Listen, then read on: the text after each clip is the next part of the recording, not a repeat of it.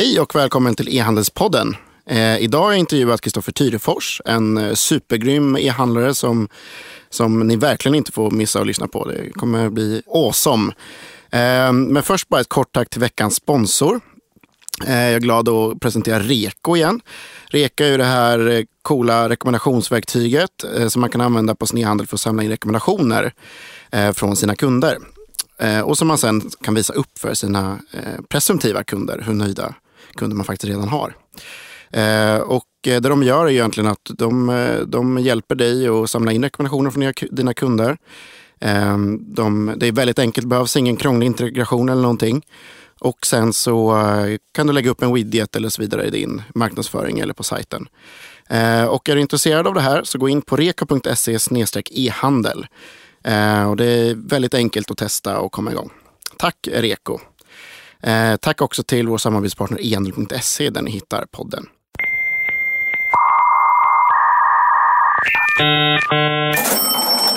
Men nu tänkte jag börja med intervjun här med Kristoffer. Välkommen! Tackar, tackar! Eh, läget? Fantastiskt bra, tycker jag. Eh, ja, det är sol ute och det var häftiga lokaler här och kul att träffa dig. Ja, vad roligt. Mm. Eh, vi har ju haft, eh, träffats lite i handelssammanhang genom åren. Eh, på e-meet och andra sådana här grejer. Absolut. Men eh, alla kanske inte vet vem det är. Kan du berätta vem du är? Um, Ja, Kristoffer heter jag. jag. Jag började som eh, pokerspelare och eh, satt i kallingar. Jag var, var, gjorde en sväng och bodde i Barcelona och spelade poker. Hade det fantastiskt, tyckte jag. Men sen så blev det kallt och så stack jag hem till Sverige och så skulle jag fortsätta med det där. Men då, liksom, då hamnade jag hemma eh, på, hos morsan och farsan igen. Så satt jag i kallingar och spelade poker 16 timmar om dygnet. Eh, och det gick väl inte allt för bra heller. Alltså när, när jag började så var jag dels eh, lite yngre och, eh, och eh, det var lite lättare att spela. Men sen så blev liksom folk äldre och folk började jobba och då blev de här pengarna jag tjänade inte så jävla bra längre. Så jag tänkte, fan det vore kul att, att träffa lite folk om dagarna. Så att, och då så hade jag en kompis som, som jobbade i en sportaffär och som han sa det då, så vi behöver någon som sköter mejlen.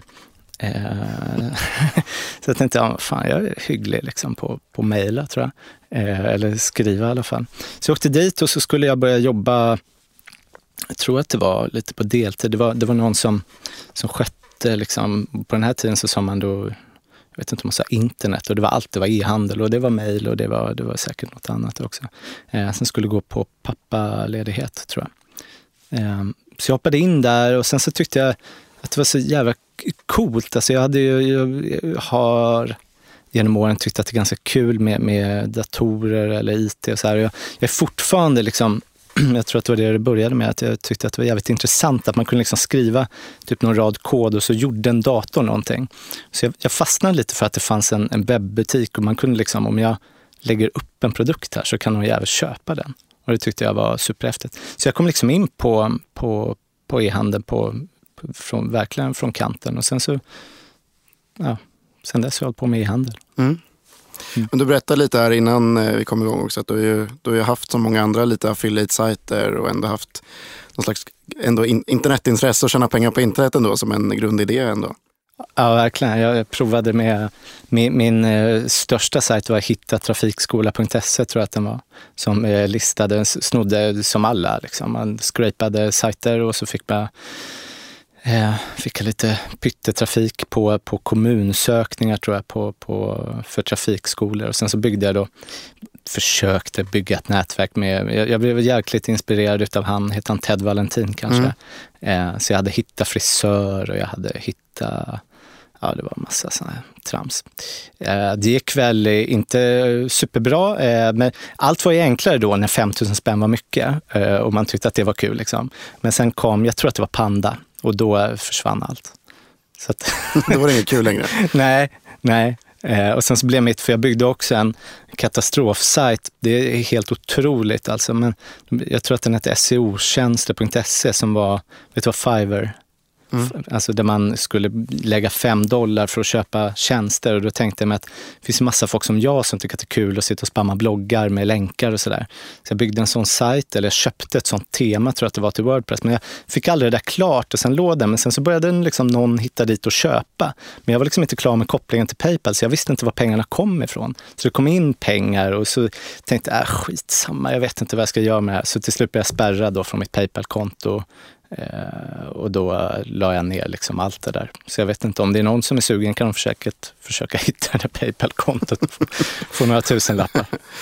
Men eh, det känns som att eh, eh den här, den här Google-uppdateringarna som förstörde för många affiliate-sajter ändå har gjort ganska många e-handlare och börjat skapa riktig kvalitet faktiskt. Ja, det tror jag verkligen. Det tror jag är det bästa som har hänt, såklart. Ja, det var klokt av Google att få alla alla unga internetälskare att göra något vettigt av sin tid.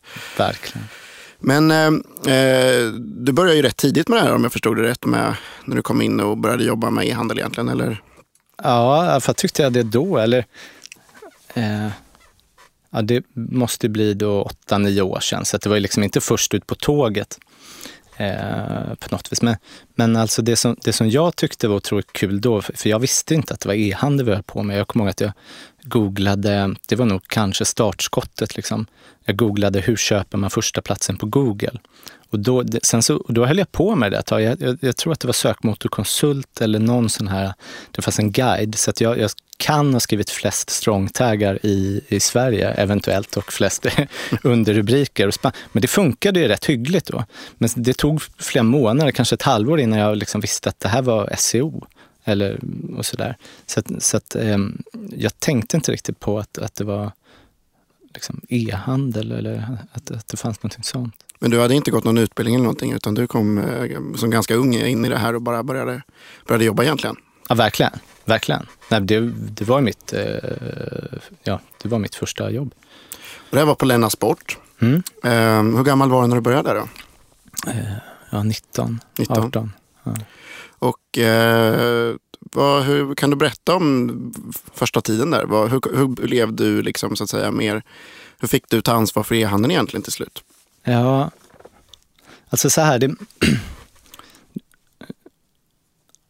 eh.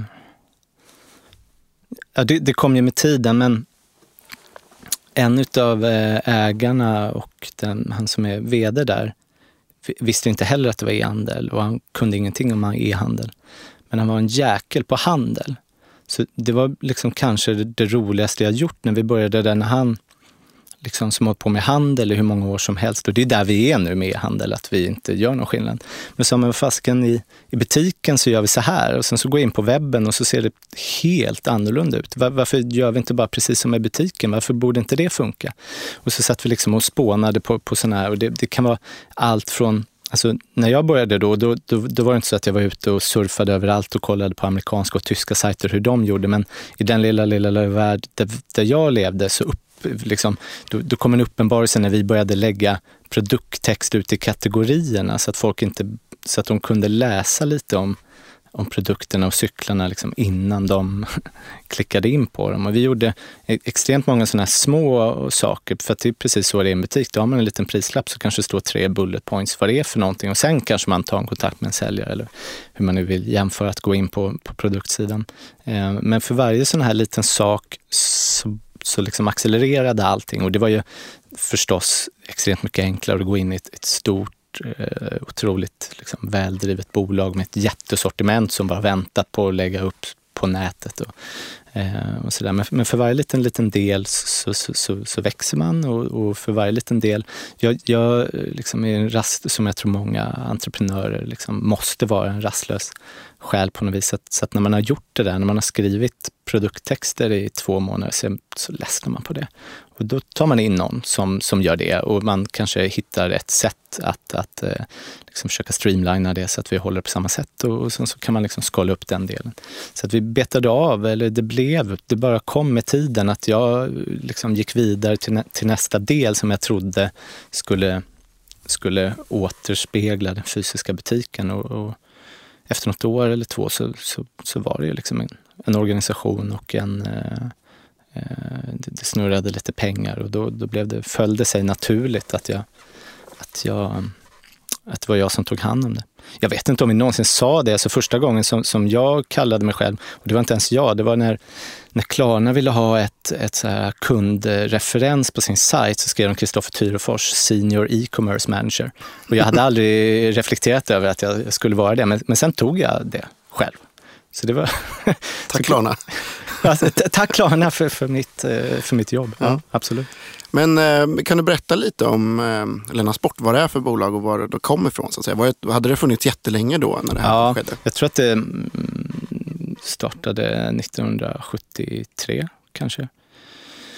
Och är ju i, i sportbranschen, ett, det är en fristående butik som är väldigt, väldigt, väldigt duktig på, på kunskap om produkterna och en hög eh, servicegrad och eh, ett extremt brett sortiment. De var, om jag minns rätt, väldigt länge Stockholms eller Sveriges största eh, sportbutik. Ehm, så det, det är en, en, förstås en jätteapparat som har funnits hur länge som helst och lärt sig supermycket om handel och hur man säljer sportprylar och så. Ehm, men, men att vara en, ett, en stor butik medför per se svårigheter att bedriva e-handel förstås. Mm. Kan du berätta några exempel på det? Vad det, vad det innebar så att säga? När, när det ändå blev en e-handel som en effekt av det här? Ja, jag vill liksom inte gå in på, på, på hur de bedriver det, men, men det är klart att om man är en stor, en stor butik som snurrar en ohygglig massa varor så det viktiga är ju, precis som det är för e-handel, att man köper och säljer grejer. Sen så e-handel så, så kommer det lite saker som är, är nödvändiga och ont. Man måste ha koll på vad man har i lager till exempel så att man inte säljer dem flera gånger. I en butik är det ganska lätt. Håller jag den i handen så finns den. Håller jag den inte i handen så finns den inte. Eh, och den typen av utmaningar, får man väl kalla det, är ju förstås svårt liksom, att, att göra den här transition för, från, från att vara butik till, till en. Och det är inget unikt för, det är så för alla butiker. Och, och idag driver jag en helt annan eh, butik och vi brottas med precis samma problem. Så, så det, det, är ju liksom svårigheten eh, eh, för alla och där måste man eh, det, det, är väldigt lätt att tro att det bara finns massa synergier mellan fysisk butik och en nätbutik. Och med tiden, som jag driver Cykelkraft, där jag idag jobbar, eh, så, så, så försöker jag snarare att särskilja dem så mycket som möjligt. Det finns några synergier i varumärke, det finns att vi eventuellt kan dela några kunder och att webben kan få lite trovärdighet utav den fysiska butiken. Men att vi skulle dela lager rakt av eller dela personal rakt av och så. Det är, för mig i alla fall, jag har inte lyckats och jag har verkligen provat. Jag har provat otroligt många sätt men, men det är nog mer en utopi än, än, än någonting annat. Det beror på hur stor organisation man är förstås. Men, men, det, men på något sätt eh, så en viktig lärdom att man ska dra, varje kanal ska dra nytta av sina fördelar eh, fullt ut så att säga. Ja, verkligen. verkligen. Um, sen så är det klart, jag, jag förstår ju att ändå om man tittar på Länna-sporten då, så det, det, var ju, det måste ju varit en um, Alltså man hade kanske inte fått en e-handel lika snabbt om man inte hade haft den här infrastrukturen av handelskunskap och allt det här. Säkert. Sen så är det klart att det är ju andra utmaningar för då, om man inte har logistikapparat på, bakom sig som har koll på sina lager och sånt där så kanske det är en, det är en annan typ av utmaning. Då har man, det man saknar så att säga blir utmaningen snarare än det som e-handlare saknar kanske. Ja, eh, så är det ju.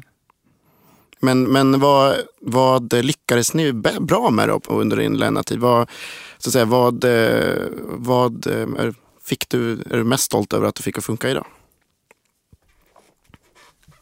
Alltså när jag började, och det har ju i alla branscher har alltid sagts, och Bo.com är väl eh, liksom eh, den första ut här, men, men det går inte att sälja cyklar på nätet och det går inte att sälja skidor på nätet. Och det, ingenting går att sälja på nätet. Eh, och när jag började så, så gick ingenting. Eh, och jag tror mig inte ha löst eh, problemet. Jag, jag, tror att vi, eh, särskilt i cykelbranschen där jag är nu, eh, har extremt långt kvar innan vi liksom har gjort det riktigt, riktigt, riktigt bra. Men det var en, en jäkligt kul utmaning och jag tyckte att det var väldigt kul liksom experimentera sig fram till sättet, för det går alldeles utmärkt att sälja det på nätet. Det var kul och ganska mycket, jag gillar att tävla liksom. Och, och eh, ingen trodde att det gick, men det gick. Mm. Vad, ehm, vad tog du med dig om du, om du tänker dig, dig personligen då, eller din kompetens? Här? Vad, vad, är det några särskilda lärdomar du tog med dig av Lennart Sporttiden som senior e-commerce manager? ja, det är inget svårt. Jag menar, jag gick därifrån, sen höll jag på med, med annat i, i några år eller ett år eller vad det kan ha varit. Men, men nu så driver jag bara cykelbutik. Och det hade lika gärna kunnat varit bara skidbutik eller så. Det vill säga, jag, jag, jag tror verkligen allt jag tror på är bredd. Jag tror att man måste ha en extrem bredd.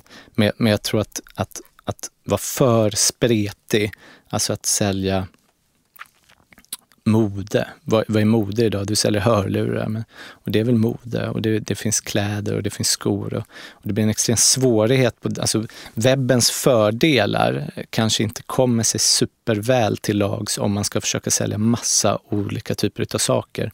Eh, det blir liksom svårt att ringa in kunden. En cyklist, det är klart att det finns massa olika typer av cyklister, men, men de, de flesta kan ändå acceptera att om de är inne på en cykelsajt så handlar det om cykling, även om man ska köpa barncykel.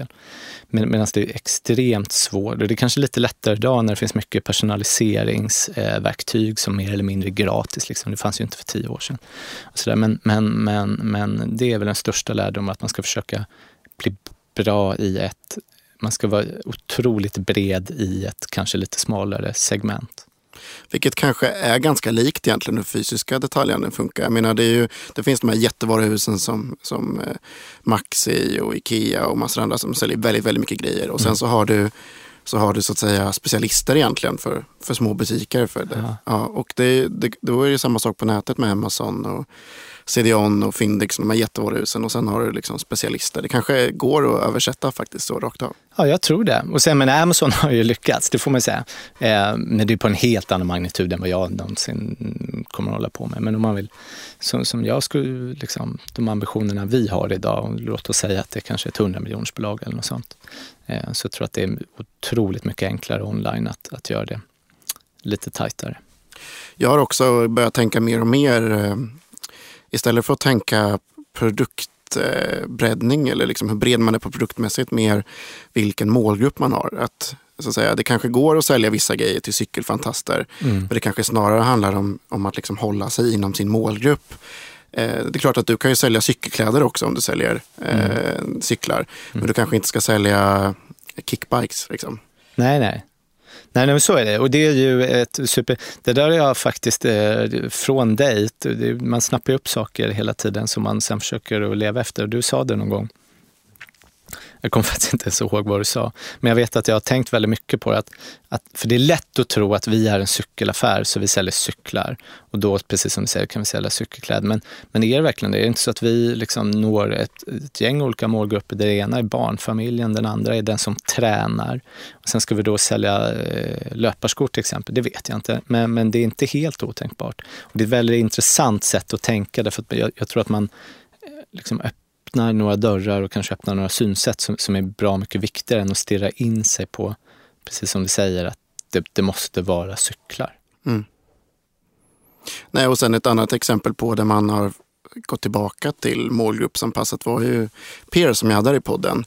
Som mm. liksom började sälja motorcykelkläder, eller som motor, motocrossgrejer och så gick de motorcykelkläder och så gjorde de massa grejer på. Eh, och sen nu istället har de tre varumärken. För de insåg att nej men, de som åker snöskoter, det är en annan målgrupp än de som mm. kör motocross. Ibland kanske det är samma, men det är bättre att hålla dem inom ett varumärke för varje grej så att säga. Och jag tror det är en, en, ehm, en grej som fler och fler kommer komma till, att man måste tänka mer målgrupper och inte bara vilka produkter man har. Nej. Men hur, eh, hur, berätta, hur, vad hände när du hade slutat på Lennart? Vad gick du vidare till då? Ja, en, en luddig historia. Men det föll sig så att jag jobbade då med en kille eh, som heter Henrik.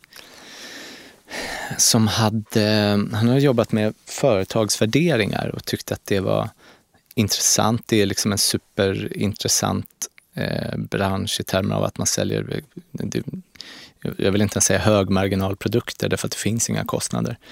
Eh, och vi träffades kring det och började prata och jag tyckte, på den tiden så var jag väldigt intresserad och det är fortfarande av liksom hur lite det krä, hur lite analys det krävs, hur lite kunskap det krävs för att analysera en verksamhet eller en e-handelssajt eller vad som helst. Men man kan ta sig så otroligt långt. Och då, så att vi fick en idé om att vi skulle bygga en årsrapport för småföretagare som skulle eh, sätta, vi, vi, vi pratar om benchmarken mycket, att man, det, det, är lätt och jag hör det ofta, liksom, vi har 10 vinstmarginal, det är toppen. Men är det det då? Så jämfört med vad? Det är kanske kass om man är ett produktionsbolag, det är definitivt kass om man är ett tjänsteföretag.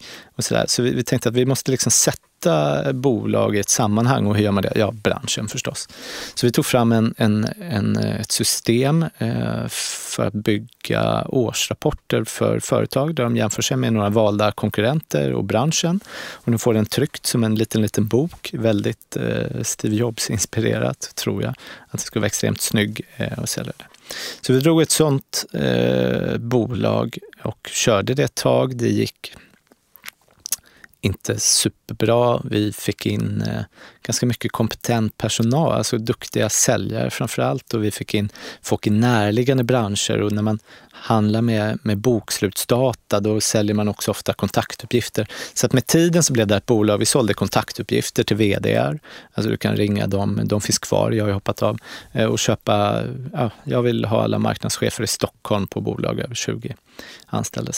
Så att, men jag hoppade av det därför att det var ju inte det. Jag, jag tyckte att det var kul att utveckla och jag skulle gärna liksom vilja, det finns ingen liksom världshjälpen, men jag tyckte det var intressant att hjälpa småföretagare att på ett enkelt och billigt sätt faktiskt förstå sin verksamhet och förstå vad det är de skulle kunna fokusera på. För det handlar ju om, eh, i alla fall för mig, att man måste springa på rätt boll alltid och, och då måste man veta vilken boll man ska springa på.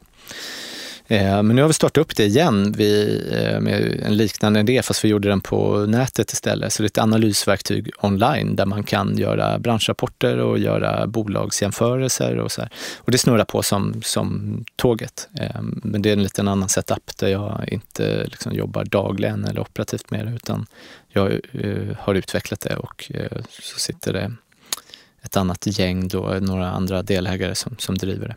Så då höll jag på med det där eh, och då, det var ju väldigt kul för, för det är verkligen en gammal pojkdröm att, att få driva cykelbutik. Jag är ingen cykelfantast själv, men jag, jag, tycker att det är kul och jag ser verkligen framför mig, nu har vi inte kommit dit, men, men hur bra man skulle kunna sälja cykel och jag vet hur dåligt jag själv har sålt cykel eh, online. Så, så precis när jag egentligen pratade med min kollega och sa att jag kommer hoppa av det här, så ringde det ett gäng som, som ville starta cykelbutik, eller precis hade startat det. Eh, och eh, dessutom så satt de två eh, våningar upp i samma hus. Vi hyrde kontorshotell, eh, så jag tog hissen upp i en eh, hoodtröja och satt i ett möte med de här grabbarna. Eh, så jag kom in i Cykelkraft direkt. Liksom. Det var eh, helt, men jag tror att det var en eller två dagar efter att jag sa upp mig. Så, så det var verkligen vältajmat. Ja, För jag hade ingen plan, jag hade ingen aning vad jag skulle göra. Jag hade tänkt att eh, konsulta lite eh, som, som någon slags e-handelsutvecklare eller så. Och så blev du vd på Cykelkraft istället. Mm.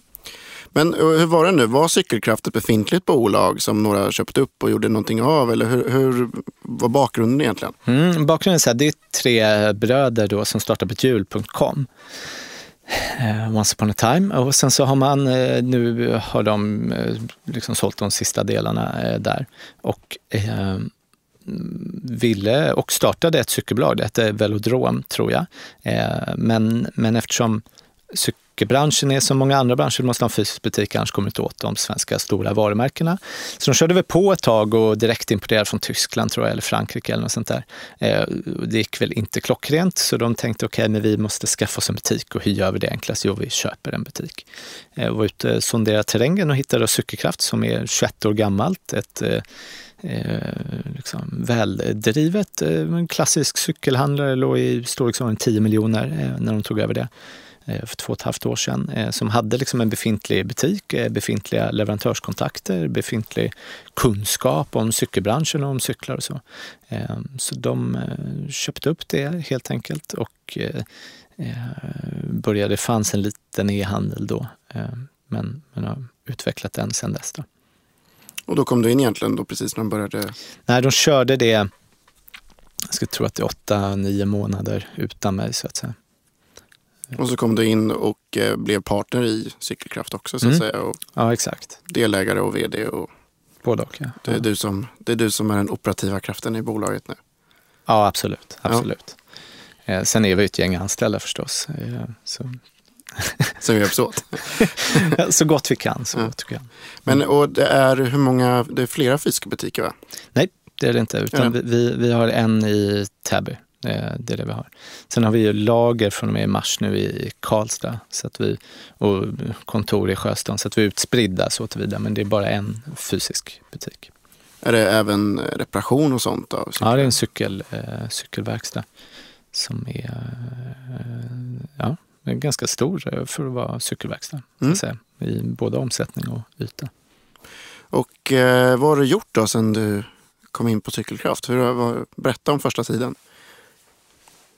Ja, det var en väldigt kul tid. Jag älskar det ju, men jag kommer ihåg för, första dagen så, så min företrädare då som, som är en av bröderna, han kunde inte följa med första dagen så jag fick inte riktigt presentera mig själv, men mer eller mindre. Och då eh, fick jag en lista på saker som inte fungerade utav personalen. De var väl förberedda. Och, och, jag kommer ihåg en utav dem, det var, jag kom in där och tänkte att nu jäklar ska vi sälja cyklar på nätet. Så ställde de sig två stycken med armarna i kors och så sa de så här, du, bara så du vet, det här med nätet, det tror jag inte på. Ehm, så det, det var en ganska tuff tid. Men, men jag gjorde det som jag verkligen tror på. Jag eh, såg till att vi skaffade en herrans massa innehåll, alltså content, skriva bra produkttexter, ha hyggliga bilder, eh, liksom strukturera upp så att kunder ändå på något vis kan hitta och kan förstå mycket. I cykel, det är liksom, jag kan inte heller något om cykel, det är väldigt luddigt. Så det gäller ju att vara väldigt tydlig med vad du får för de extra 2000 eller vad du missar om du tar ner de här 2000 kronorna. Så vi kom ju ganska, och det har ju förstås SEO-effekter.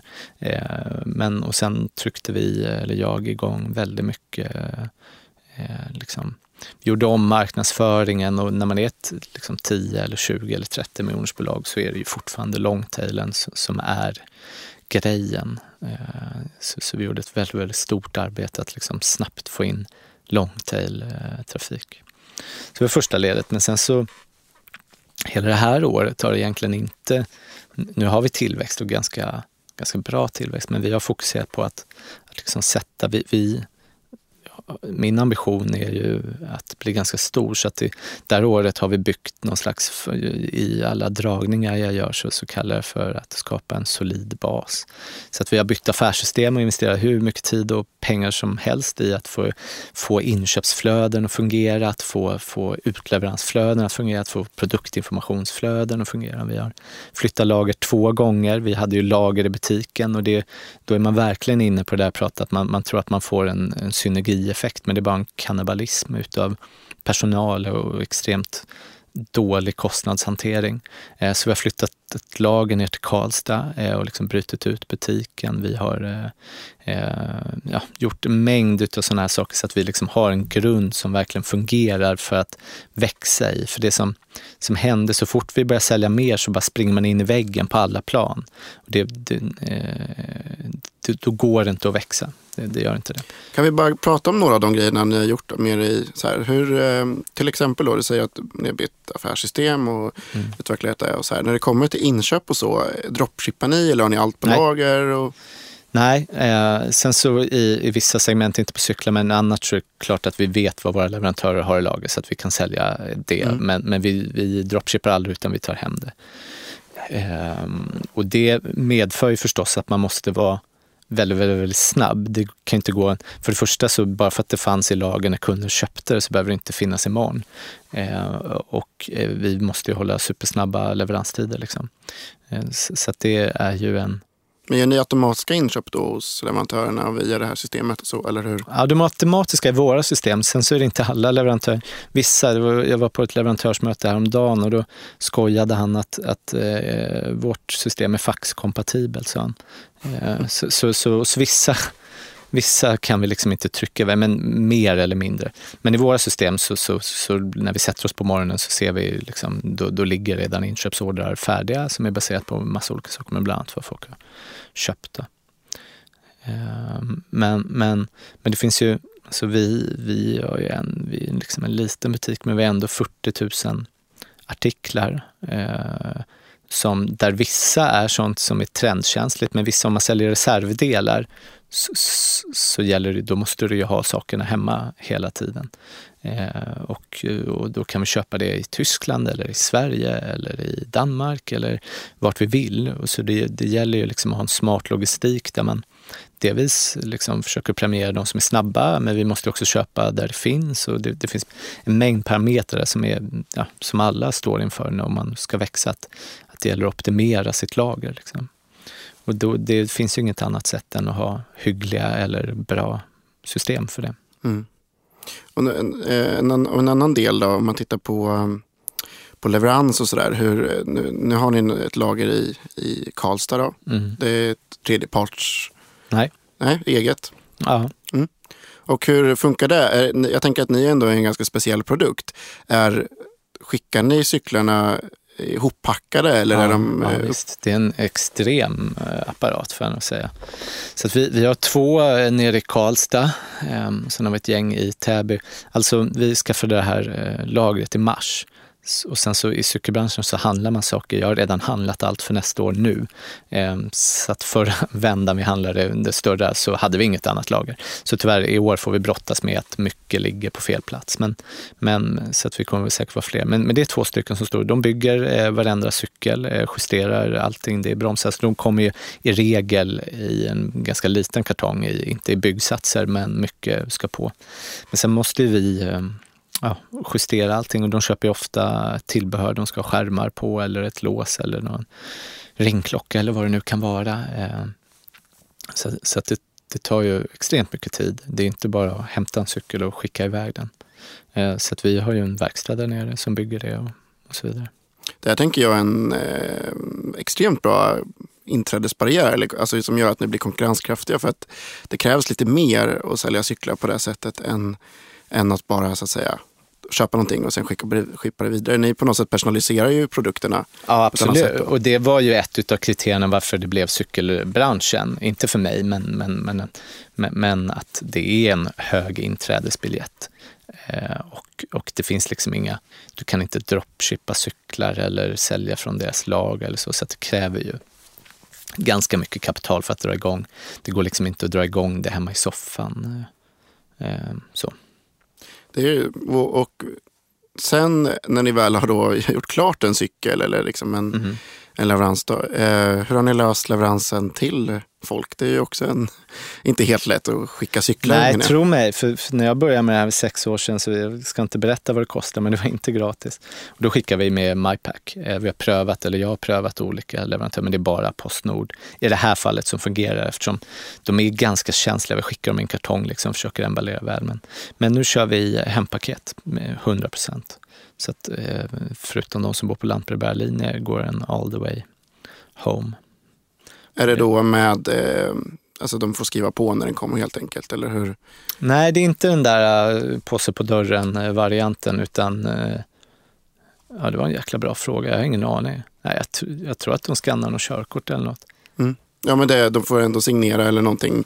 De måste vara hemma när det levereras. Så att säga. Ja, ja absolut. Alltså, mm. Alltså, det går ju till så posten ringer dem eller så kan de eh, kunden själv då ringa till posten eller boka på nätet. Men då bestämmer man en tid och så finns det ett fönster, jag tror de har tre olika, men det är två timmars fönster. Den vanligaste är 19 till 21 när så, de kommer hem. så det är en otroligt smidig lösning för kunden. Alltså även, jag menar, jag själv har ju inte bil till exempel. Nu kan man ju cykla hem en cykel förstås, men, men, men bor man några mil från en butik och inte har en, en bil så är det ju fantastiskt.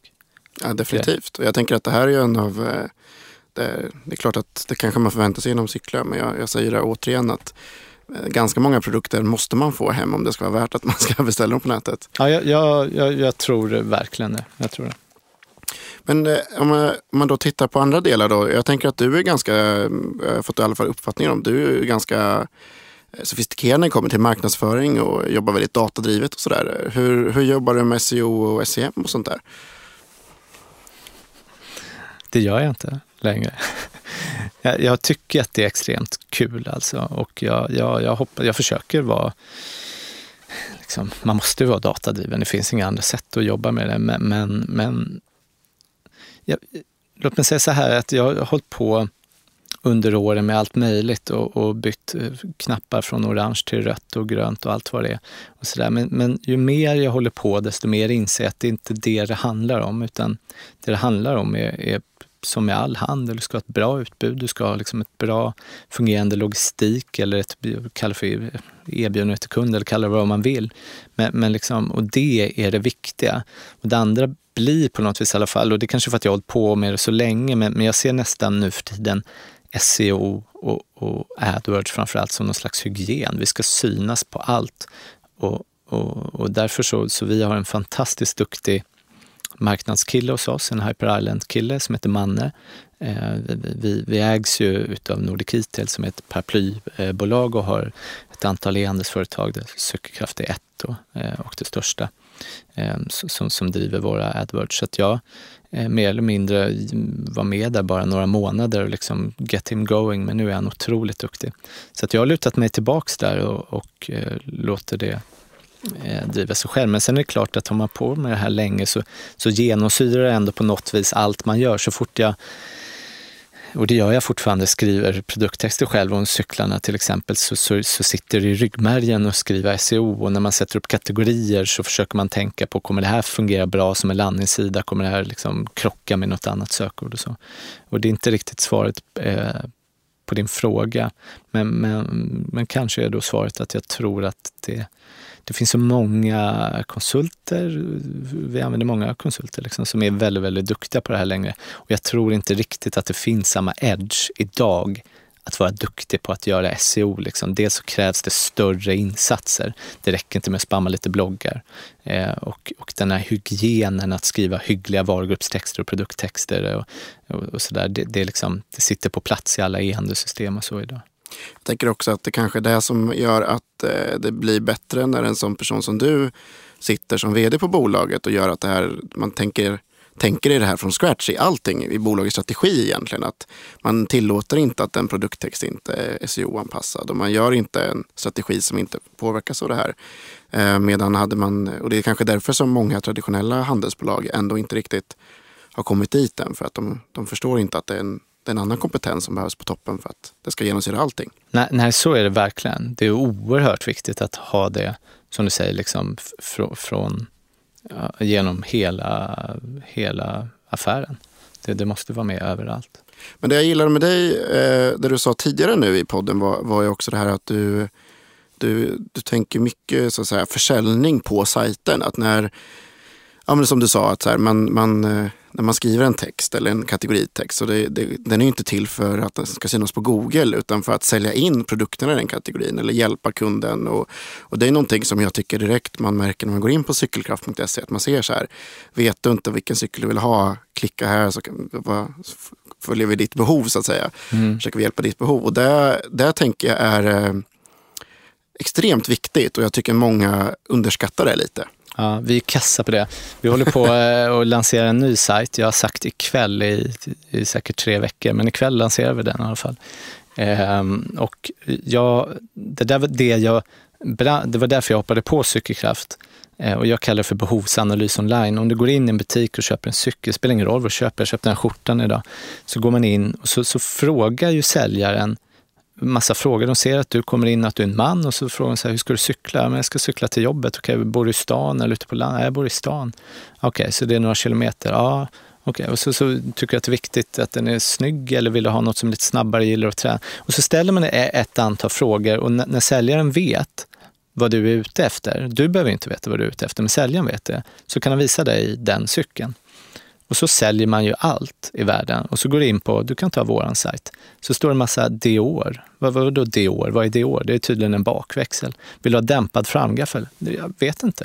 Är du med? Och det där tycker jag är, är liksom, det är katastrof hur, hur dåligt vi gör det Ehm, så att vi lanserar något som vi kallar för behovsanalyser online och det är mer eller mindre att vi har eh, låtit butikssäljare och eh, mig själv som ändå har sålt en del liksom i, i de kanalerna och vår kundtjänstpersonal också vara med. Och liksom, vad är det, hur, hur säljer ni en cykel? Och det kan ju vara brett, det vi kallar för cykelsäljaren idag, men det kan också vara, vi lanserar ett koncept som heter Vilken skeppshult är du? Skeppshult är då ett varumärke och det, som inte är så, så, så sportigt eh, utan det är eh, liksom premium standardcyklar och, och då försöka hitta eh, vad det är som är viktigt när man säljer en sån utifrån kundens perspektiv.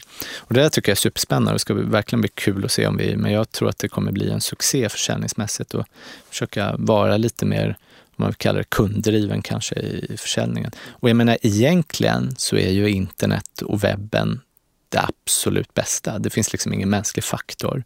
Det är inget svårt att, att göra de här. Vi kan jobba med hur mycket attribut som helst. Vi behöver inte eh, liksom rely on att eh, säljarna kan hela sortimentet. För en webbsida kommer inte glömma bort attribut på en produkt. Eh, så det är superspännande och lite pinsamt att det ska behöva gå till 2015 innan vi liksom får iväg det. Men Ja, men jag, jag, tycker ändå att du har ett eh, väldigt starkt tänk där. Och det, och det är någonting som, som vi ser på Hedlar också. När vi, eh, vi, eh, vi har sett en, ett skifte inom hemelektronik där man började egentligen med att tänka liksom vilka funktioner, vilka features och allting sådär. Och på något sätt så här, hela prisjaktgenerationen så här, har blivit tvingade att lära sig massa teknik. Och när vi började istället branda upp våra kategorier som är så här, de här hörlurarna är för barn, mm. de här är för träning. Då kanske det är exakt samma hörlurar, men vi har sagt att de här passar för det. Och då, då tar de, den försäljningen fart bara för att vi guidar in besökarna till vad de egentligen har tänkt behöver. Ja, ni har ju något, på en startsida om man scrollar ner lite så, så är det ju en mängd sådana här Eh, ja, men precis det jag pratade om. Och, och, då, det som är kul där är att det är verkligen helt olika saker. Under 300 kronor heter den ena kanske, jag kommer inte ihåg mm. exakt. Mm. Men, och eh, sportiga hörlurar. Det, alltså, det, det, behöver inte, det är lätt när man jobbar med e-handel att det blir liksom ett teknikprojekt och då ligger det en, på en hörna så ligger det under 300, 300 uppåt och över 500. Och sen på något helt annat ställe ligger de här eh, liksom sportig, icke-sportig. Men ni liksom slår ihop det och, och försöker, och precis som du säger, kunden och inklusive mig själv, man vill ju ha ett ja. Liksom. Okej, okay, men det här är jag. Jag är ju en sportig kille, så jag trycker där och då vet jag att någon, förmodligen smartare än mig, har bestämt att de här passar för sport, så då tar jag ett par. Så det är ja, verkligen intressant och det eh, jag, jag, tror verkligen att det är dit e-handeln, om man tittar i USA är de oändligt mycket duktigare än oss eh, på det här, liksom att gå ifrån någon slags, bara eh, en hög med kata, eller med kategorier till att, att försöka liksom vända på det och, och, och, utgå från behov istället för, för, för liksom produkt. Eller. Och det, ni får ju också en, en utveckling på det eftersom ni eh eftersom ni även personaliserar lite. Att jag menar, ni har ju en möjlighet att faktiskt sälja upp då på personen om man, man kan skapa mer en, en egen produkt för kunderna istället för att den är bara standardiserad så att säga. Så det är ännu viktigare för er. Ja, verkligen. Sen finns det en annan effekt. Jag menar, vi, om man jobbar med varumärken, eh, och sen så är det olika styrt i olika branscher, men vi har mer eller mindre inget manövreringsutrymme på pris på cyklar och det, det, vill jag heller inte ha. Men, men, men om jag säljer samma saker som alla andra till mer eller mindre samma villkor eh, och samma pris så måste man ju försöka konkurrera med någonting annat. Liksom. Mm. Men eh, vad är det som ni säljer mest av då? Cyklar, cyklar. såklart. Vad, men är det liksom dyra cyklar eller är det billiga cyklar? Eller vad, hur, ser, hur funkar det egentligen? Låt mig säga så här, när vi, det bolaget vi köpte var high-end inriktat jag, alltså Biltema är förmodligen störst i Sverige på att sälja cyklar. Och, och därför så måste man försöka nå dem. Och det, det gör kanske inte en traditionell eh, cykelbutik. Eh, därför att det är en volymvara eh, och, och, det är svårt att nå volym i, i en i en liten fysisk butik, inklusive våran. Så att vi har verkligen försökt att dels attrahera dem, men det största, absolut största är ju liksom verkligen, det är nästan tråkigt att säga, men, men Svensson som pendlar till jobbet. Eh, inte den här supersportiga som, som, som liksom gör allt, men har insett att cykel är ett ganska trevligt och bra, billigt eh, transportmedel och eh, tycker om att röra på sig hyggligt. Så där är en solklar majoritet. Det kallas för hybridcyklar. Men det, det är det vi säljer mycket utav. Mm. Och hur mycket Eh, hur mycket betalar man för en cykel då i, i snitt? Och ser vad, vad kostar det att köpa en cykel? 5 och 8 i snitt. Eh, så det är ganska dyra cyklar ändå? Hyggligt. Mm. Men det är snitt. Man, egentligen borde man titta på median för barncyklarna drar ju förstås eh, ner det snittet. Eh, men, men, men där någonstans ligger det i alla fall. Mm. Eh, har ni någon typ av, eh, jag tänker att ni är ändå ett segment där det finns en mycket upsell-möjlighet även. Alltså när man väl har sin cykel så finns det massa andra grejer man kommer behöva under, under mm. liksom sin livstiden för cykeln. Hur, hur jobbar ni där? Ja, alltså ett väldigt, jag, jag har provat allt. Eh, men det vi har landat i att det finns bara ett sätt. Alltså det handlar om att liksom visa upp och vi gör inte det superbra idag men i nya sajten är det bra. Eh, jag ska säga, vi säljer till inte 100 procent, men otroligt nära 100 procent utav våra cykelordrar innehåller fler än en orderrad. Så vi ser på det är ofta skärmar, det är ringklockor, det är eh, lås och, och, och, belysning. Eh, så att vi sitter helt sonika manuellt för varje cykel och ibland kanske för ett segment och väljer ut passande skärmar, passande stöd och sådär. Och om någon, om någon lyckas sitta på med alltså så här, andra kunder köpte även, då får man en extremt dålig effekt. För kunder köper i regel icke-kompatibla saker och sen eh, ja, nej, det fungerar inte utan det är manuellt, eh, det är hard work bara. Mm. Men, och det här måste ju ändå vara en möjlighet långsiktigt att om ni har sålt eh, sjukt många cyklar, att mm. då vet ju ni vad de har köpt. Mm. Då vet ju ni vad ni kan sälja på. Absolut. Alltså, ett, ett typexempel på det är att vi på varje cykel har liksom en däcksbredd som vi eh, förstås vet och har liksom attribuerat. Så att vi, då vet vi också vilken slang de kommer att behöva. Och vi vet att de behöver en slang om sex månader. Och slang, man tjänar inte supermycket pengar på att skicka en slang för 49 spänn på, på på webben förstås. Men det är förstås ett sätt att få tillbaka dem och, och det kan också utifrån kundens perspektiv tror jag vara ett mervärde att vi påminner om att snart kommer din slang gå sönder. Det är lika bra att ha en, en hemma. Liksom. Det är en rätt eh, god grej. Så, så det är eh, ett exempel. Men, men sen är det svårt. Alltså jag tror att vi har 100-150 olika skärmar så, så att det, och, och, och, en extrem massa cyklar. Så att, att liksom, jag tror att man kan lösa det där på sikt eh, och liksom verkligen få, få någon automatiserad liksom, eh, livstidsförsäljning på kunden. Men vi är ganska långt därifrån idag.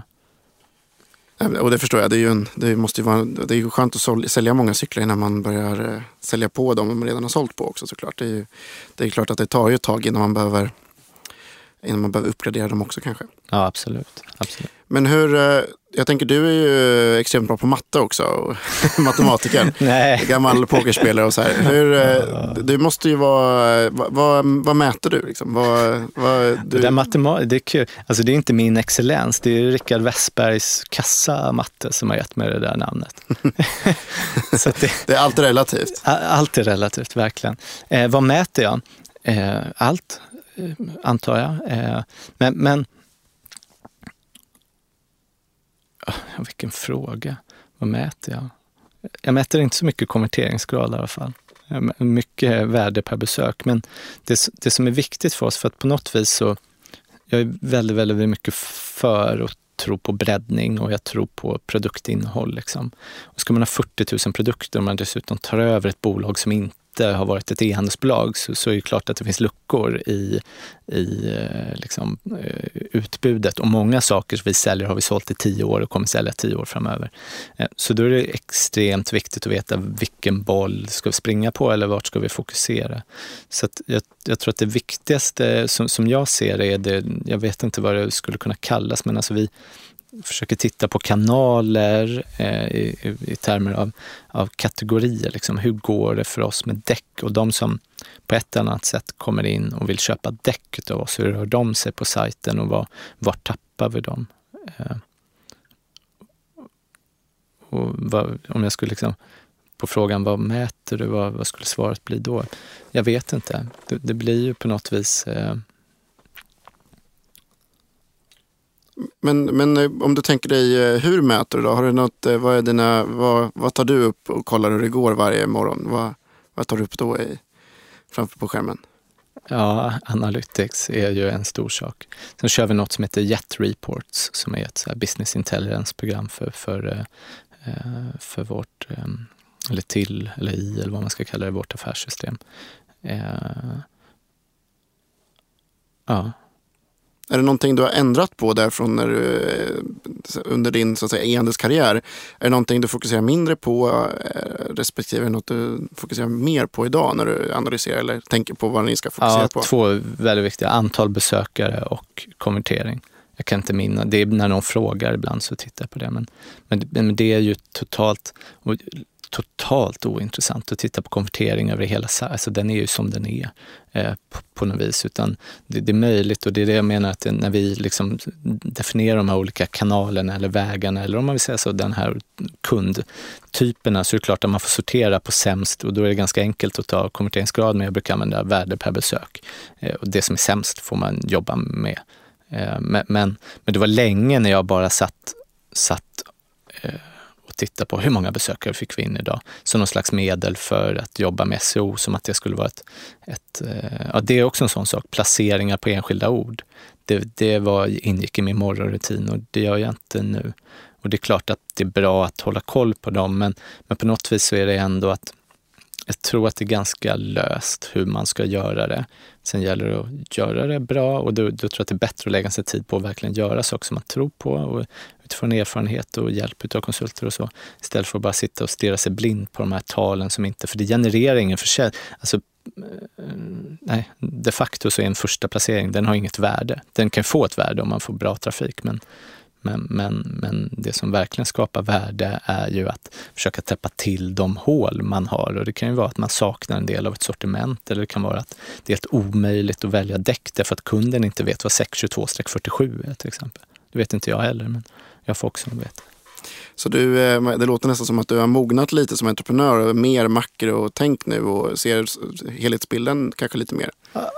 Ja, om det är mognad, jag vet inte. Jag tror också att det är e-handels mognad. Alltså när, när jag började så hade vi en frameslösning, det hade ju alla då. Och då, jag kommer ihåg, det var ju liksom mitt enda mål i två och en halv månad att få bort framesen. Och så där. Men jag menar, mycket är ju löst. Jag tror att man kan skaffa, vi kör Magento idag. Eh, och, och sätter du bara upp en sån, och jag påstår inte på något vis att det är den bästa plattformen, men då är du otroligt långt liksom, gånget i att det fungerar. Eh, och, och det här med sorteringsoptimering och, och, och, som man förstås, och det är klart att det är enklare för mig som har hållit på med det här, och har gjort väldigt många tester genom åren, så att jag kanske får lite, lite, lite mer rätt från början än om man aldrig hållit på med det. Eh, men, men det tappar hela tiden, i min värld i alla fall, värde och det är väl delvis det här som jag säger då att tekniken går framåt och liksom lägstanivån höjs. Men sen är det också så att jag tror att kunderna blir förstås vanare att e-handla så att, att att highlighta köpknappen. De kommer att hitta köpknappen om de vill köpa. Det är inte det det kommer att hänga på, utan jag, jag tror men det kanske är för att, det är, att jag jobbar med lite större bolag idag också, men att det är det klassiska sortiment, utbud och, och erbjudandet till kund som, som, som är det verkliga. Det var väl Anders Anders Andersen, som inte heter Andersen, har jag fått lära mig sen, men han skriver någon sån här bloggpost om AB-testing och den avslutar med “Try to lower your prices with 20% and see what happens with the conversion”. Och det, det är klart att det är sant. Sen propagerar jag inte för att sänka priser, men det finns många eh, mer effektiva sätt att höja sin försäljning än att byta färg på knappen. Mm. Och, eh, men eh, om man tittar då, vad, vad omsätter ni idag och vad, vad kommer ni omsätta inom ett år? Ja, I år är, vi har budgeterat eh, 30 miljoner. Jag tror att eh, i och med vi var tvungna att göra de här sakerna med affärssystemen och lagen så det blir lite, lite lägre än så. Men idag så ligger vi och taktar på 27, strax över 27 miljoner. Mm. Om ett år, eh, man vet aldrig vad som händer om en vecka. Liksom, om man, det är ju förstås intressant för oss att titta på det finns andra bolag i samma bransch som man skulle kunna försöka slå sig ihop med och så. Men givet att man inte gör det så, så, så är planen att gå upp någonstans till 37-38 eh, miljoner. Mm. Eh, och vad, vad, vad, vad är din målsättning nu då, om man tittar på lite, lite fler år framåt? Nej, men jag vill eh, Alltså det är väldigt enkelt. Jag vill ha världens, eller åtminstone Sveriges bästa sajt att köpa cykel på. Jag tycker att det är så otroligt intressant det här med, med, med att vara kunddriven och att, att göra de här behovsanalyserna. För att jag, det har inte riktigt gjorts och det är så enkelt därför att alla vet, du kan ställa liksom vem som helst i en butik och den lyckas ändå och sälja någonting till mer eller mindre bra förstås. Men, men, men, och det kan vi offline, men sen så är det ingen som gör det online. Och jag, jag tror inte ens att liksom mina hyggligt grandiosa idéer eh, skrapar på ytan av vad man kan göra där. Så, så, det är mitt mål. Och mitt andra mål är, är att, som jag brukar prata om att om man går in på Dagens Industri så, så är det 85 kommentarer på en kommentar. Och får folk, eller på, på en artikel. Varför folk för det ingenting. Men folk vill ju, drivs ju av att synas och att få uttrycka sig. Och så sitter vi och driver e-handelssajter med, med starka varumärkens produkter och så utnyttjar vi inte den här kraften? Varför sitter inte, cyklister är ju cykelintresserade, varför sitter inte de och svarar på frågor? Du som har köpt den här, hur är den? Är den bra? Är den dålig? Vi har liksom omdömen om produkter och vi har frågor och svar som vi själva svarar på det är katastrof. Vi måste ju verkligen liksom involvera kunderna i, för de vill hjälpa varandra. De sitter ju på forum överallt och pratar och det har vi inte heller gjort. Så jag skulle, om jag fick gissa när jag hoppar av det här så är det när vi har världens bästa behovsanalys och när vi har ett sätt där vi integrerar kunder för att de tycker det är kul att hjälpa oss att sälja. Sen kanske de får någonting för det, en 50 kronors rabattkod, vad vet jag. Men, men att utnyttja den kraften. Mm. Och när omsätter ni 100 miljoner då? Den initiala planen var ju att det skulle vara någonstans 2018, 2019. Och eh, det finns inget som pekar på att det inte alls eh, det är inte på något vis omöjligt. Bra bit på vägen.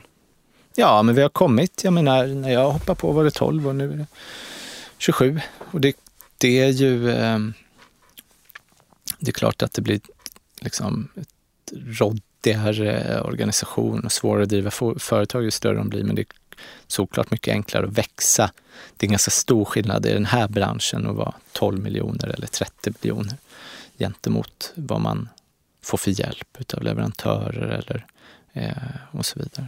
Hur ser du på att växa med lönsamhet versus att eh, bränna pengar och sådär? Hur, hur, hur är er strategi där egentligen?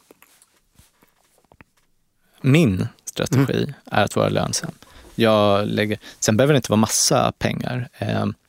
Men, men jag tror att man måste ha en grundbusiness. Sen så är det alltid svårt, jag menar ett bokslut är vid ett särskilt datum, i vårt fall den 31 eh, men, men jag tror att man måste ha en grundaffär som, som, som, som funkar. Sen är det klart att i perioder, vi lägger extrema pengar på marknadsföring om man ser det andel av omsättning, men det är andel av omsättning idag, inte den andel, alltså dra ut det i, procent av omsättningen som jag tror om ett år så är den ganska låg.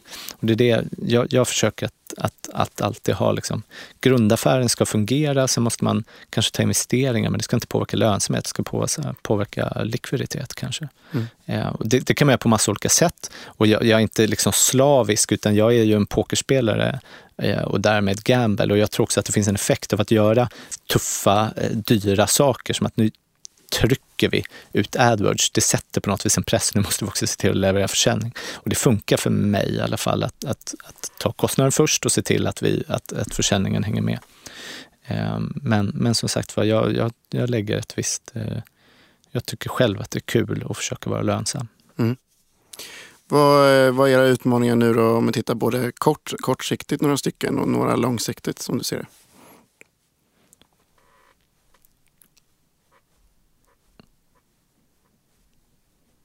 Alltså på, på kort sikt så är det ju så att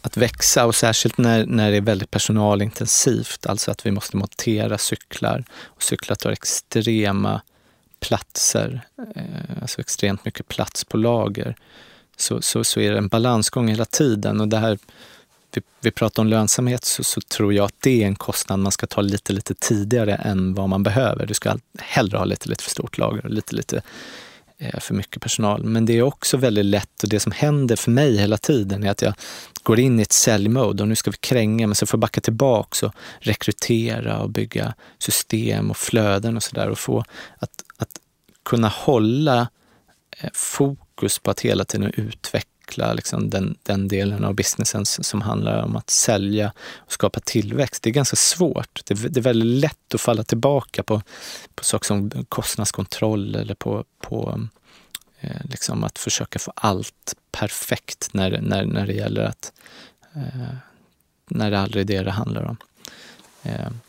Det är nog många inom e-handel som också gillar det där detaljgnetandet också och få saker perfekt. Eh, tänker jag. Det, det är lätt, det om man har en fysisk butik, då möter man kunden hela tiden. Då kan man inte annat när det kommer in en, en kund i butiken, då måste man prata med kunden. Ja. Men i e-handeln så är det lätt att bara sitta och jobba med systemprocesser och grejer, för då möter man inte kunden på samma sätt. Nej, nej, visst. Och genom åren och fortfarande, så jag, jag är fantastiskt på att göra eh, flödesscheman och dokumentation och projektplaner och sådär. Men mer och mer så försöker jag liksom släppa det och bara att man, man, får försöka fokusera på något mål. Och ofta så kan det vara så att 50 är good enough, för det var bättre än noll. Och så kan man ju ta nästa steg sen. Men, men solklart är att det är svårt och jag tror att det är enklare på, när man håller på med e-handel att fastna i teknik och, och, detaljer och sånt än vad det är, som du säger, i en fysisk butik. Därför att där, där är det liksom, det är ofrånkomligt att det är kunddrivet. Medan på webben så ser man ju inte riktigt kunderna. Om man drar, drar, drar lite med makropenseln då och tänker vad ni har för utmaningar kanske på en treårsperspektiv. Sådär. Vad, vad ser du att du kommer ha för utmaningar med att växa cykelkraft närmsta tre åren? Ja, det, det kommer verkligen vara att kunna bredda sortimentet tillräckligt mycket. Alltså det finns i, i Cykelsverige några väldigt, väldigt, väldigt starka varumärken. Sen har vi för tillfället, om man bara tittar på cykel, cyklar, så har vi ett eh, eget eh, varumärke. Men, men att, att kunna kunna, vi vill ju ändå vara på, som är webbens fördel, vi ska ju kunna vara allas, alla butiker som du kan tänka dig kan vi slå ihop. Vi kan ju ha 5000 varumärken. Eh, men det tar en ohygglig tid att, att skaffa sig leverantörer och att, att liksom få in dem i verksamheten och förstå, förstå vart vi ska positionera dem och så. Och det, det är en ganska svår utmaning för det finns ändå på något vis en... Sen så tror jag att den gränsen kanske jag och framförallt leverantörerna själva sätter lite lågt, men på något vis så kan vi inte sälja hur många som helst utav leverantör A.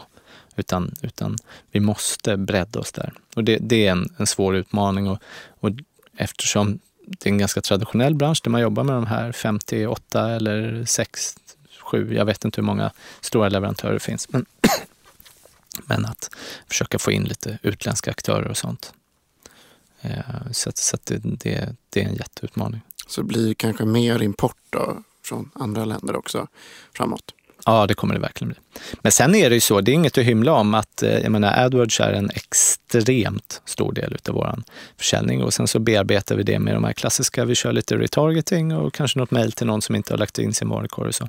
Men det är ju en källa som, som tar slut. Alltså, det går inte att sälja för en miljard på, på AdWords-annonsering. Och då måste man hitta andra sätt och jag är van, det enda jag kan inom e-handel är på något vis att möta behov, att det finns söktrafik på varumärken. Så, så, enkelt är det. Och jag är hygglig på att ta hand om den, men en dag så tar den slut och jag vet inte riktigt i, i omsättning för cykelkraft när den tar slut, men när den tar slut så måste jag lära mig en massa nya saker om att bygga varumärke och eh, liksom eh, ta ta, vad man ska kalla det för, dålig trafik som inte är så, så, så, så lång tail liksom, och konvertera.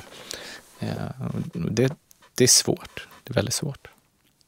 Det är en bra, det är en bra utmaning, men det är kul med utmaningar. Ja, jag tror det. Har, har ni någon tanke om internationalisering och sådär? Ja, det har vi verkligen. Eh, jag tror inte att det går ett styrelsemöte utan att vi pratar om det. Men, men, det finns väldigt, väldigt mycket kvar att ta av i Sverige. Eh, så, så, så alltså vi, pratar, vi, vi har haft sagt väldigt länge att 2016 är året och vi kommer att rulla ut i det första, det blir ett nordiskt land. Eh, jag tror faktiskt att vi kommer skjuta på det till 2017 i alla fall. Eh, för att kunna hålla fokus på, på, på att växa här. Eh, så, så, eh, men, det, men det är klart, och, och det är ju en del i Alltså ju mer man börjar handla utomlands, desto enklare blir det också att sälja utomlands. Särskilt när man säljer varumärken, för att svenska varumärken är väldigt svenska. Eh, tyska varumärken är kanske lite mer tyska. Så att när man har en produktmix liksom, som, som är lite mer internationell så är det enklare att rulla ut den. Eh, helt klart. Och då, då kan man också hitta lite fördelar i att man kanske till exempel skulle kunna ha ett EU-lager eh, e eftersom man ändå, de rullar ändå förbi det så att säga. och så vidare. Jag tänker också att ni kanske är ett segment där det, det går att relativt bra att skaffa egna varumärken i högre grad också än vad ni har redan idag också. Ja, det, det, det, det, vågar jag nog påstå. Sen är det inte superenkelt. Det krävs ganska stora volymer och ganska stora commitments. Liksom. Det är extremt enkelt att handla i Sverige och det är hyggliga eh, kredittider och sånt där. Så, att, så att det är ganska eh, svårt. Men, men tillgången finns ju i en extremt hög grad. Och, och, och tittar man i liksom de lägre segmenten så, så, så, så är det inte så stor skillnad på om man gör det själv eller köper det. Jag tänker alla Biltema säljer väl deras egna så att säga. Ja det är det ju. Det är det. Så det blir Cykelkrafts blåa också. Ni är också blått som konkurrerar med deras blåa så att säga. Ja, om man vill vara konspirationsteoretiker kan man kolla byta hjul och Mex. Allt som mina ägare gör har blått. Ja. Kan du berätta om det är Nordic E-tail? Va? Vad, mm. vad, vad, vad, vad, gör de och vad, vad är det för någonting? Nej, men det är ju ett eh, liksom, paraplyföretag kan man säga, där vi har ganska mycket funktioner. Vår ekonomiavdelning hyr vi, eller vad man ska säga, utav eh, Nordic Nordic Retail, vår kundtjänst. Eh, vi har fyra, fem stycken superduktiga medarbetare där som är anställda utav Nordic Retail. Vår marknadsavdelning sitter där. Och tanken är ju då att liksom, för ett bolag som oss, när vi skaffade en kundtjänstavdelning som omsatte vi 20 miljoner, då är det helt befängt att ha fem personer som sitter på kundtjänst. Men om vi kan ha fem personer som vi tar 60 eller 70 eller vad det kan vara procent av och sen så kan de liksom dela upp sig på andra bolag så kan vi växa otroligt mycket snabbare samtidigt som vi förstås kan dra fördelar utav när man köper in systemstöd eller när man utbildar personal och så. Eh, så det, det, är ju eh, ja, ett investering eller ett eh, paraplyföretag för e-handlare som, som de här eh, superduktiga e-handlarna, bröderna, äger och eh, driver. Så det, idag är det tre sajter som, som ligger under det, eller fyra. Och vilka förutom Cykelkraft? Eh, Mexter.se som säljer biltillbehör och bilservice online. Eh, sen är det en som precis ska lansera, det kanske är hemligt, nej det kan inte vara hemligt. Badhem.se eh, som ska sälja eh, ja, allt utanför kaklet tror jag sloganen är. Så mm. badrumstillbehör och toaletter och allt vad, vad det innebär. Men ni är så att säga störst i just nu under den här Nordic E-tail-paraplyet så att säga? Ja, absolut, absolut. Störst, äldst, men inte vackrast. Men ikväll, ikväll blir vi det. Mm. Men, eh, och det, det, de, så här, det, det, du är så att säga, kör cykelkraft och så är de så att säga stöttande till dig. Men det, du bygger din egen organisation förutom då stödorganisationen så att säga. Ja, precis. Och, alltså, det är ju en leverantör som jag eh, teoretiskt skulle kunna välja att inte jobba med. Jag köper IT-tjänster, marknadstjänster och ekonomitjänster. Sen är det klart att vi, vi växer ju och jag tror att i Nordic Retail så är de totalt 30 eh, personer nu, varav de flesta då förstås är cykelkraftmänniskor. Eh, men det är klart att vi liksom hjälps åt och har ett väldigt, väldigt stort utbyte när vi pratar Eh, e-handel eller strategier och sådär. Men, men, men eh, det är en möjlighet för mig att köpa. Det är väldigt svårt annars att köpa personal så att säga på deltid eller på timme eller liksom 70 procent utav fem personer. Det kan man göra om vi pratar kundtjänst hos ett callcenter, men då är ju de inte, där blir ju ändå min personal som jag kan utbilda, som jag kan eh, liksom ha en kommunikation med. Eh, och det är ju svårt att hitta någon annanstans. Mm. Eh, vi börjar närma oss slutet, men jag tänker, vad, eh, har, du, har du några kloka tips till handlare, eh, e-handlare här ute? Vad, vad kan man få för, för goda tips? Ja, jag vill ju verkligen tjata om alltså produktinformation. Jag, jag, tror att man ska skaffa sig en plan och jag vet att Konversionista har ju en sån här fantastiska fem frågor som varje besökare ställer sig. Jag tror att man ska, ska pränta in dem i huvudet och, och försöka förstå vad det är man vill göra med, och jag kanske kastar sten i glashus för att jag vet inte om vi gör så bra, men att försöka sätta sig in i vad kunden kommer att undra och verkligen svara på dem Eh, och det här blir lite motsägelsefullt, för det är det ena. Och det andra är att jag är helt övertygad om att fler produkter säljer. Ju fler du har, desto mer säljer Det finns många vägar in då och du ger en valmöjlighet. Och, så att bredd och, och eh, produktinformation, är, det tror jag är nyckeln. Och jag tänker att det, det Core är ju inte bara att ha produktinformation utan det är ju att sälja i produktinformationen kanske också. Att man Alltså precis som en säljare säljer i en butik, att man, man inte gör det för Googles skull utan för, för att de faktiskt ska köpa någonting. Jag tycker att det finns en markant skillnad där i. Ja, ja, ja verkligen. Och det kanske är en svår balans, jag vet inte. Men, men nej, så är det. Och, och mm, ja. Nej. Och sen förstås, alltså jag tror att alla som har startat, det behöver inte vara e-handel, men det, det, är alltid viktigt att poängtera att liksom dra igång istället för att hålla på med detaljer. Fundera inte så mycket över vilken betallösning eller fraktlösning, utan dra igång och utvärdera. Och jag tror att, och liksom samma sak med AdWords, ja det, det kostar några spänn, men funkar det inte från dag fem så kommer det kanske aldrig att funka på något vis. Och då får man backa tillbaka och göra om det. Men det är väldigt viktigt att dra på sig handskarna och hoppa in i matchen så snabbt som möjligt. För allt annat går ju att lösa. Så när du har lite trafik och lite omsättning, då är allt mycket enklare. Men att sitta och liksom designa shoppen innan den ens är uppe, det, det, det, det skapar inget värde sortiment och erbjudande. Och... Vad trist det låter, ja. fasiken. För massa år sedan så hade jag suttit och pratat om att ni måste AB-testa mer. Men jag, vet, jag har gjort det, Cykelkraft gör vi ganska mycket AB-test. Jag är allvarligt de senaste ett och ett halvt åren, jag har inte gjort ett, jag kanske gör dåliga tester, men jag har inte gjort ett enda test som ger någon nämnvärd mm. förändring. Och det är små saker som färg på knapp, men det är också eh, större saker. Så att... Men du kanske har blivit gammal och, och, och klok? Börjar du 27 liksom? Nej, 26. Ja. Nej, jag hoppas inte det. Nej, men det låter klokt tycker jag i alla fall. Eh, tack så jättemycket för att du ville vara med i podden. Ja, tack. Superkul. Och man ska såklart gå in på cykelkraft.se om man vill köpa cykel. Ja, verkligen. Verkligen. Ja. Heter du någonting på Twitter? Eh, Tyre Fors. Enkelt och bra. Eller hur? Ja. ja, men kul att du ville vara med. Ja, tack.